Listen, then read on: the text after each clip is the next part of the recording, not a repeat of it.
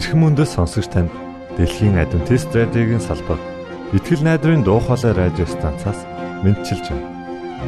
Сонсогч танд хүргэх маань нэвтрүүлэг өдөр бүр Улаанбаатарын цагаар 19 цаг 30 минутаас 20 цагийн хооронд 17730 кГц зөвлөлтөөр 16 метрийн долгионоор цацагдж байна. Энэхүү нэвтрүүлгээр танд энэ дэлхий дээр хэрхэн аз жаргалтай амьдрах талаар зарчим болон мэдлэгийг танилцуулахдаа бид таатай байх болноо. Таныг амарч байх үед аль эсвэл ажиллаа хийж байх зур би тантай хамт байх болноо.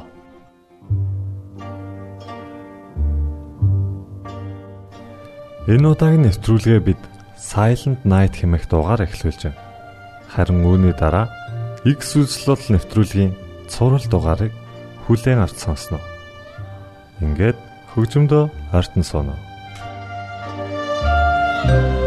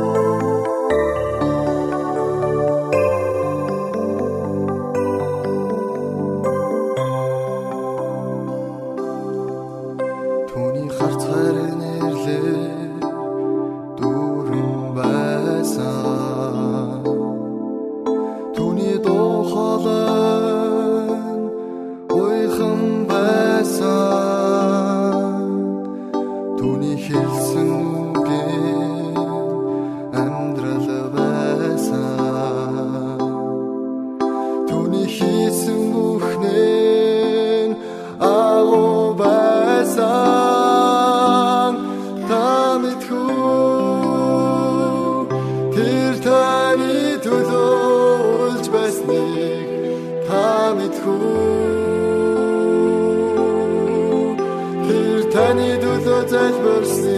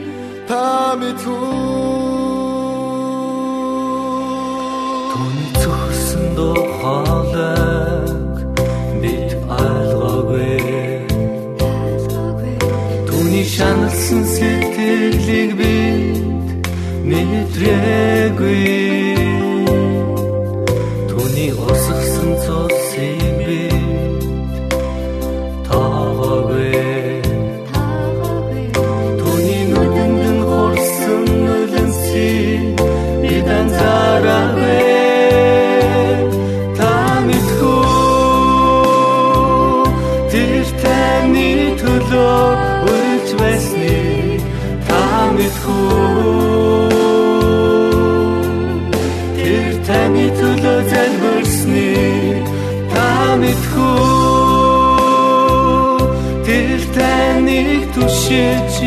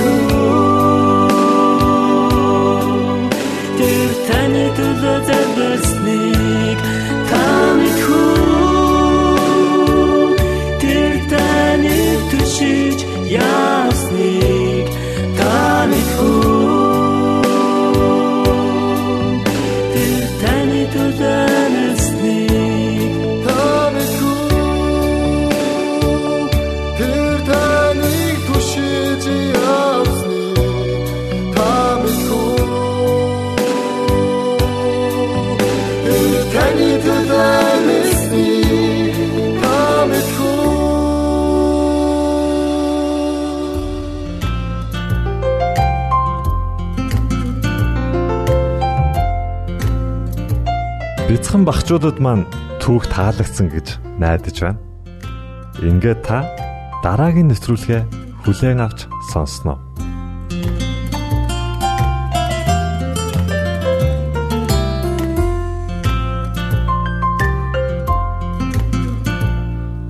Гимшлийн үчил Өөрт байгаа минь буруутгал өөлж хэлэх алдаа дутагдлууд Ядарч цөхөрсөн хоосон зүрх яг үнэндээ юу ч алгаа миний дотор гадна. Тантай уулзахад яагаад ийм хэцүү байдгийг таныг олж харахад яагаад ийм хол байдгийг хизээ танаас ингэж холдосноо хэлж мэдхийг хүсвч би чадахгүй. Хариулаач гэж танаас асууж бас зөрөглөхгүй. Тэрнээс цааш санахгүй аймаар Твчиж чадаагүй бараан, хар, улаан, цагаан буруутгал тэнд ч энд ч зуралдсан энхэн нэгэнтэй. Ачаа маань даанч хүнд болжээ. Аваачтэй гэж танд бас гомдолсон. Тэврүүлж байсан би таны хайранд дун чалан удаа. Тэгээд бүр үүрүүлж байсан таны нуруунд өдөр бүрл. Амтгүй байна гэж амьдралаа танаар бас амтлуулсан. Тэгээд хатуу байна гэж замаа хүртэл зөөллүүлж байсан танаар. Бэрх байна гэж буулгаа хүртэл танд өгсөн өгсөн буцаад ирэхэд байж байгаа ч гэд бурхан таныг би энд хүлээлгсэн. Хэрэг бурхан таны төвчээрт хязгаар гэж байдаг бол хязгаарт тань хүртэл таны гомдоосноо би мэднэ. Буцаж хизээч байгаагүй таны хайр Хувиршгүйг би бас мэдсэн. Буцаад намайг ирэхэд та хүлээлгсэн газараа байж л байсан. Ивэл гэж яг үнэндээ танд эргэн олдохыг олж харлаа. Ирээдүгэ гэж таны дотор дахин дахин хорогдохыг найдаж харлаа. Инрэл гэж таны өршөөлд дахин дахин багтахыг зүрх мэдэрлээ. Итгэл гэж таны твэрт бүхнээ бүрэн даатгахыг анзаарч харлаа. Хизээч билээ хинэгнэн надад олоон жилийн өмнө хайртай гэж хацар улайтал хэлж байсан нь санагдна. Хийгээгүй буруугүй төлөө хачин хитсэн нь бүр түүрхэн санагданаа. Харин өнөөдөр надад хизээч мартагдад сарнихгүй хаач намайг ичээж улаалгахааргүй эгэл хэрнээ эзэн химэн тунхаглагдсан игнишгүй хайрын бурхан надад гараа сунгаж байна. Яг одоо та тэр гарыг харж болно. Яг өмнө чинь Есүсийн халуун дулаан амар тайван оршихуй байна. Та ч үнээс хүртэх бүрэн эрэхтэй та зүгээр л гараа сунгаж түүнийг хүлээн аваа.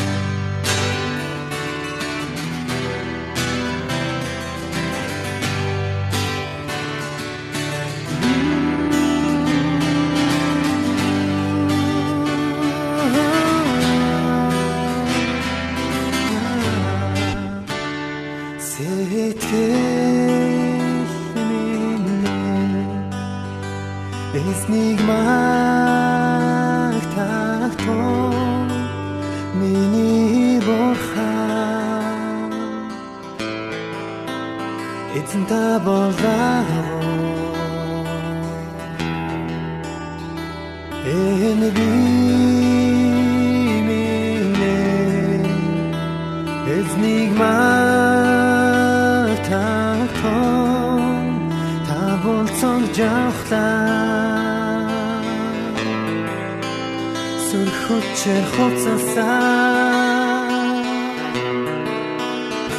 Сэрүм бэ хатмэ Танаттай хамт байдаг тул. Сэтгэл мэн таны Үнгийн шүнөрч магтан дулнаа залдангийн дундаарч магтна. Сэтгэл минь эцнийг магтах миний борхан Эцэн та болдагоо минь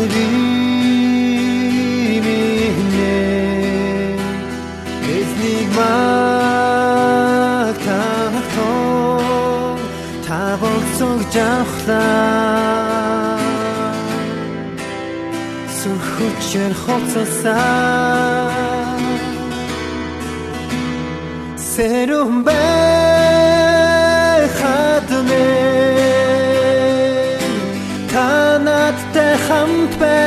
байдаг тул сэтгэл минь таны үнэн шинөрч магтан дурнаа Ойтхар зовлонгийн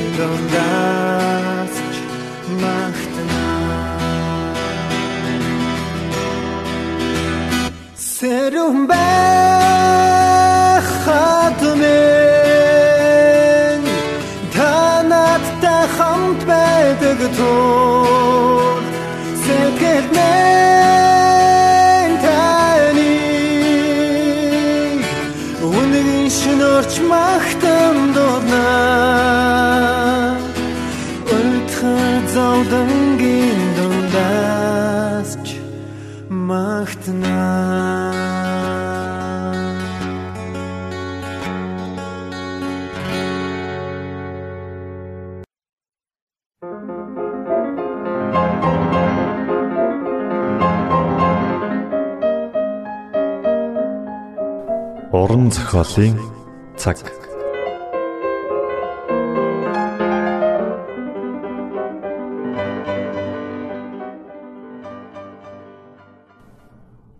Есүс энэ дэлхийд ирсэн Галилийн уул толгодын дунд аших Назар хэмээх бяцхан суурьнд Йосеф Мари хоёр амьдран суудаг байв. Тэд Есүсийн дэлхийд ирэх эцэг эх нь болох болно. Йосеф бол Давид хааны удам. Тэр цагт Ромчууд ард иргэдээс татвар авах тушаал гаргахад Давидын хот болох Бэтлехэм рүү татвараа төлөхөөр Йосеф явах болжээ. Тэр цагт нааш цааш аялна гэдэг амар хэлбэр байсангүй. Мария нөхөртөөгөө Бэтлехэм явах Барта төгсүр замаар явсаар ихэд ядарчээ. Хөөхий бүсгүй тухтай сайхан амрах газар хүрсэн гэж хичнээн хүсэж байсан бол харамсалтай нь оцсон газарт нь дэм буудлууд хэдийнэ дүүрсэн байлаа. Баян эрх мэдэлтэй нэгэнд тогтой сайхан газар олдож байхад хөөхий энхүү даруухан аялагчд малын сарвчанд хоноглохоос өөр аргагүй боллоо.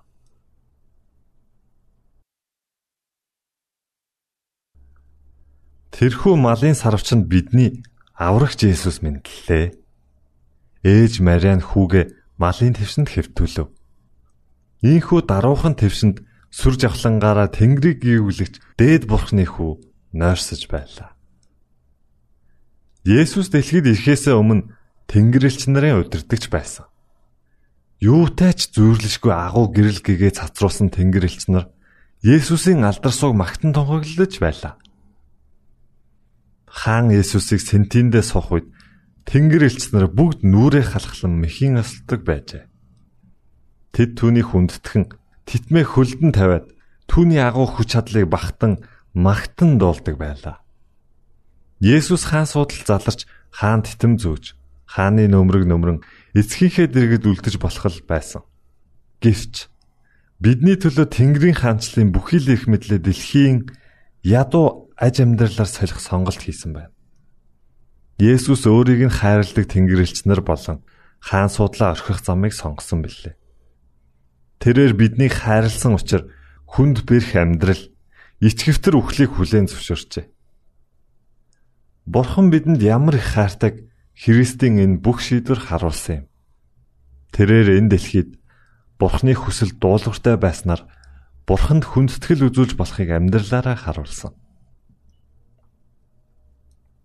Бид түүний үлгэр дуурайллыг дагахснаар эцэст нь түүнтэй хамт Тэнгэрийн гэр оронд үрд амьдрах боломжтой болох юм. Тэрээр энэ бүхний төлөө ирсэн.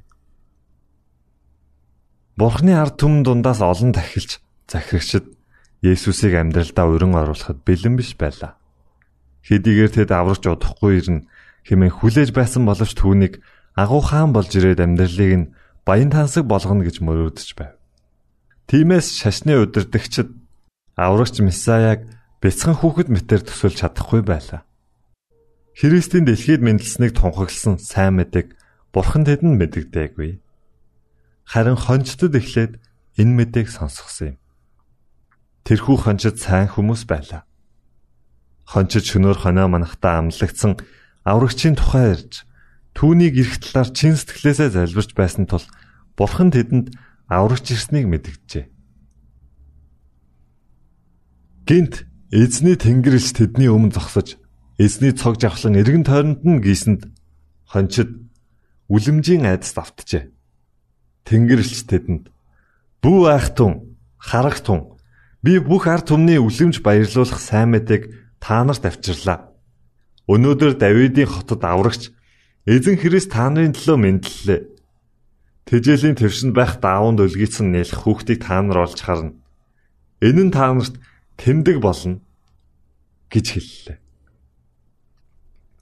Гинт өнөөх тэнгэрлэгчтэй хамт олон тооны тэнгэрлэг дайчид үзэгдэж бурхныг магтан дээр өндөрт алдарн бурханд байх болтугай. Доор газарт амар тайван нь түүний тааллыг олсон хүмүүст байх болтугай гисгэж байлаа. Тэнгэрлэгч нар тэднийг орхин тэнгэр өөд одсон хончид бие биедээ одоо шууд Бэтлехэм рүү очие. Эзний бидэнд мэдүүлсэн зүйл бүтснийг үздцгээе гисгэж байлаа. Тэд яаран ирж Мария Йосеф болон тэжээлийн твшин дотор хэвтэж буй хүүг олж очив. Тэд үүнийг хараад мөнөх хүүхдийн тухай сонссон үгээ мэдвэллээ. Хончдын ярьсан зүйл нь сонссон бүгдийн гайхлыг төрүүлжээ. Харин энэ үгийг Мария зүрхэндээ тунгаан бодож энэ бүхнийг нандинан хадгалсан юм.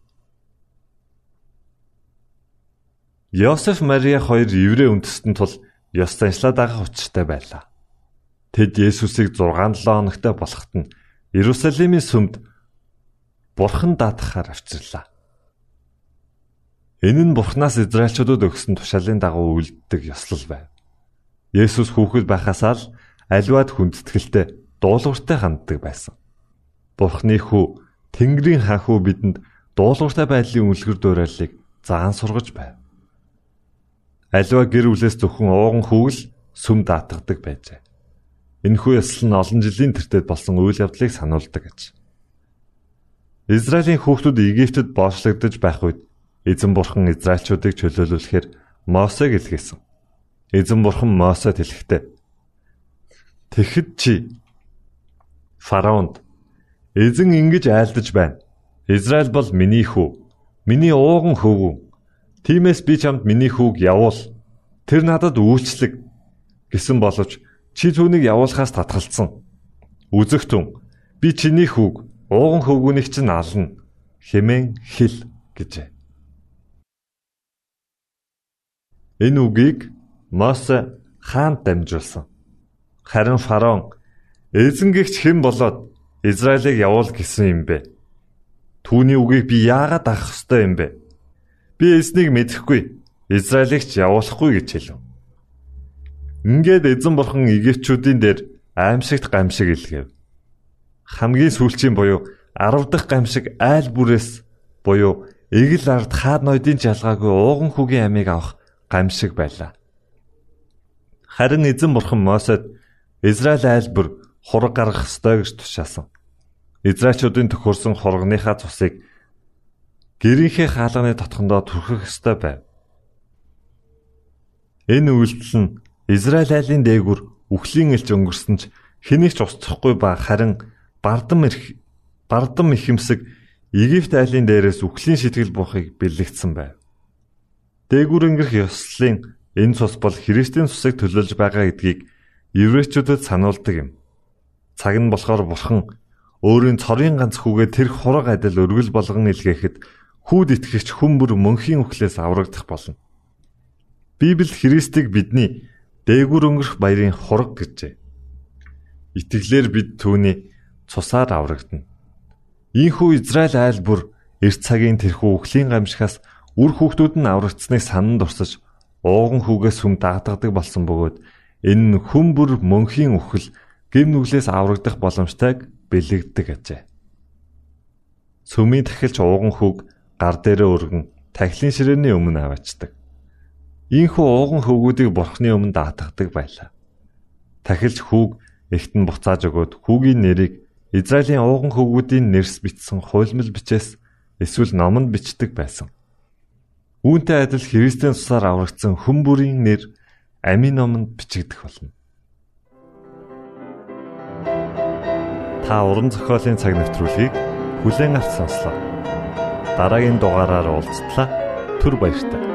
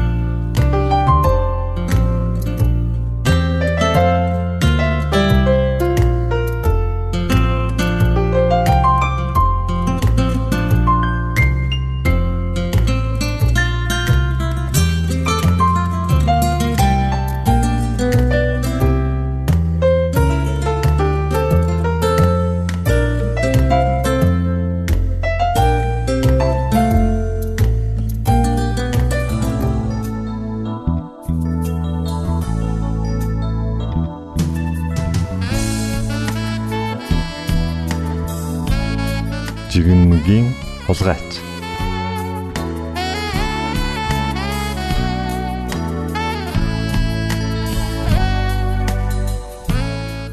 Онгоцны буудлын дээр нэг эмэгтэй өөрийн хуваарт хөлгийг хүлээн сууж байлаа. Онгоц нисэх хүртэл нилээд урт хугацаа байв. Тимээс онгоцны буудлын дэлгүүрээс нэг жигнэмэг, нэг ном худалдан авчээ. Ингээд өөртөө нэг суудал олж авч суугаад номоо шимтэн уншихын зэрэгцээ хаяа нэг гараа сунган жигнэгээ нэг нэгээр нь авч идэж байлаа. Хэдийгээр хамаг анхаалаа номдоо төвлөрүүлсэн байсан ч хажууд нь ирж суусан нэг залуу өөрийнх нь жигнэмнээс хээв нэг аван идээд байгааг анзаарахгүй байхаар байсангүй. Залуу хээв нэг идээд байхаар нь бүр дургүй нөхөрч эхлэв. Хэрвээ би боловсон хүн биш байсан бол энэ залууг нэг сайн дэлсээд авахгүй юу гэж бодож байлаа. Эмэгтэй жигнэг рүү гараа явуулах тоолонд залуу ч гэсэн ичгчгүй гараа сунгаж байлаа. Тэр хоёр инхүү уралдаж ицээр байгаад ганц жигнэмэг өлтөв. Бүсгүй. Одоо энэ яах вэ гэж бодож чамжаагүй байтал нөгөө айхтар залуу гараа сунгаад үлдсэн ганц өмнөгийг аван дундуур нь хоёр хуваагаад талыг нь эмхтээд өгөв. Залуугийн энэ байдалд хүүхний уур маш их хүрсэн ч арай хэж бие барьлаа.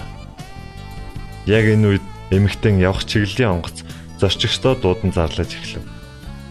Эмэгтэй залуугаас салахын төс болон баярлаж хурдхан босон цүнх намаа аван босчээ. Жигмнгийн хулгайч руу ч эргэж харсангүй. Ингээд онгоцсондоо ороод сандал дээрээ тухлан суугаад цүнх рүүгээ гараа явуулснаа дуу алдав. Учир нь онгоцны буудлын дээрээс авсан жигмэг нь цүнхэнд нь байж байлаа.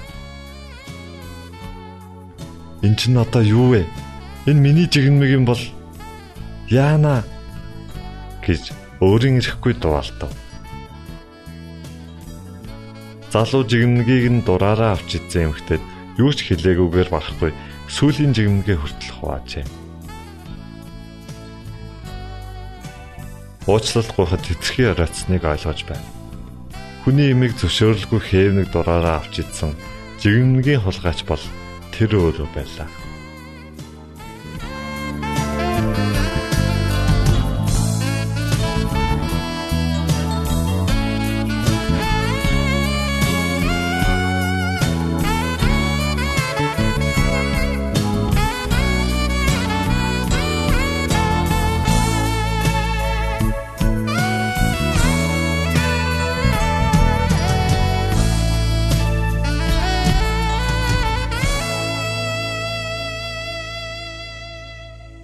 Итгэл найдрын дуу хоолой радио станцаас бэлтгэн хөрөгдөг нэвтрүүлгээ танд хүргэлээ. Хэрв та энэ өдрийн нэвтрүүлгийг сонсож амжаагүй аль эсвэл дахин сонсохыг хүсвэл бидэнтэй дараах хаягаар холбогдорой. Facebook хаяг: Satiin үсгээр Монгол заавад AWR Имэйл хаяг: mongol.awr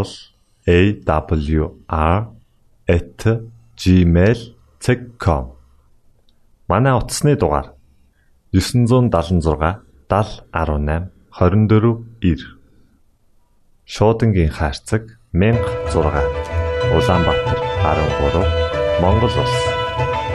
Биднийг сонгон цаг зав аваад зориулсан танд баярлалаа. Бурхан таныг бивээх болтугай